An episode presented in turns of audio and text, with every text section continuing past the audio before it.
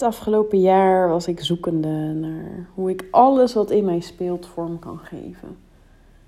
In mijn business, in de Temple of Pleasure. De veelheid en de intensiteit, de golven, de rauwheid, de wildheid. Ik voelde me te veel, te anders, te groot, te ontastbaar. Te veel om in een hokje te proppen, te anders om ergens bij te horen te groot om concreet te worden, te rauw om te polijsten, te magisch om tastbaar te worden, te rebels voor grenzen, te chaotisch voor structuur. Ik was bang, bang om mezelf op te sluiten, kleiner te maken, te conformeren. Ik, had dat, ik kende dat al, ik heb dat al eerder gedaan in mijn leven. Ik was bang voor hokjes, labels, grenzen, tijdsdruk en structuur. Bang om mezelf aan de ketting te leggen. Bang om te zwijgen. Bang om mezelf te verliezen.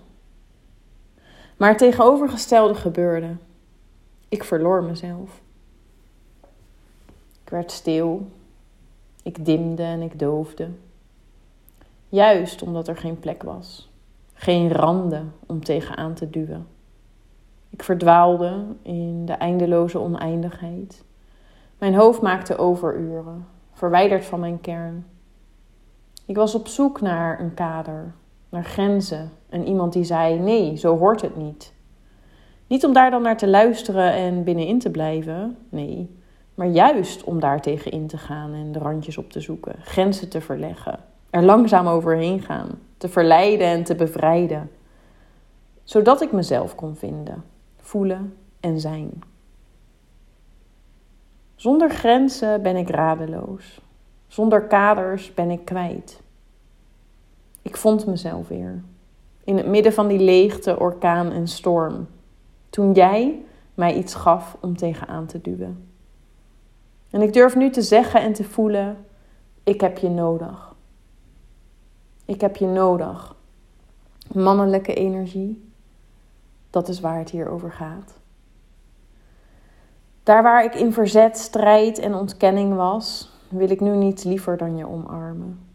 Me laten omarmen. Je welkom heten in mijn leven. De solid ground voor mijn gefladder. De warme armen om bij thuis te komen.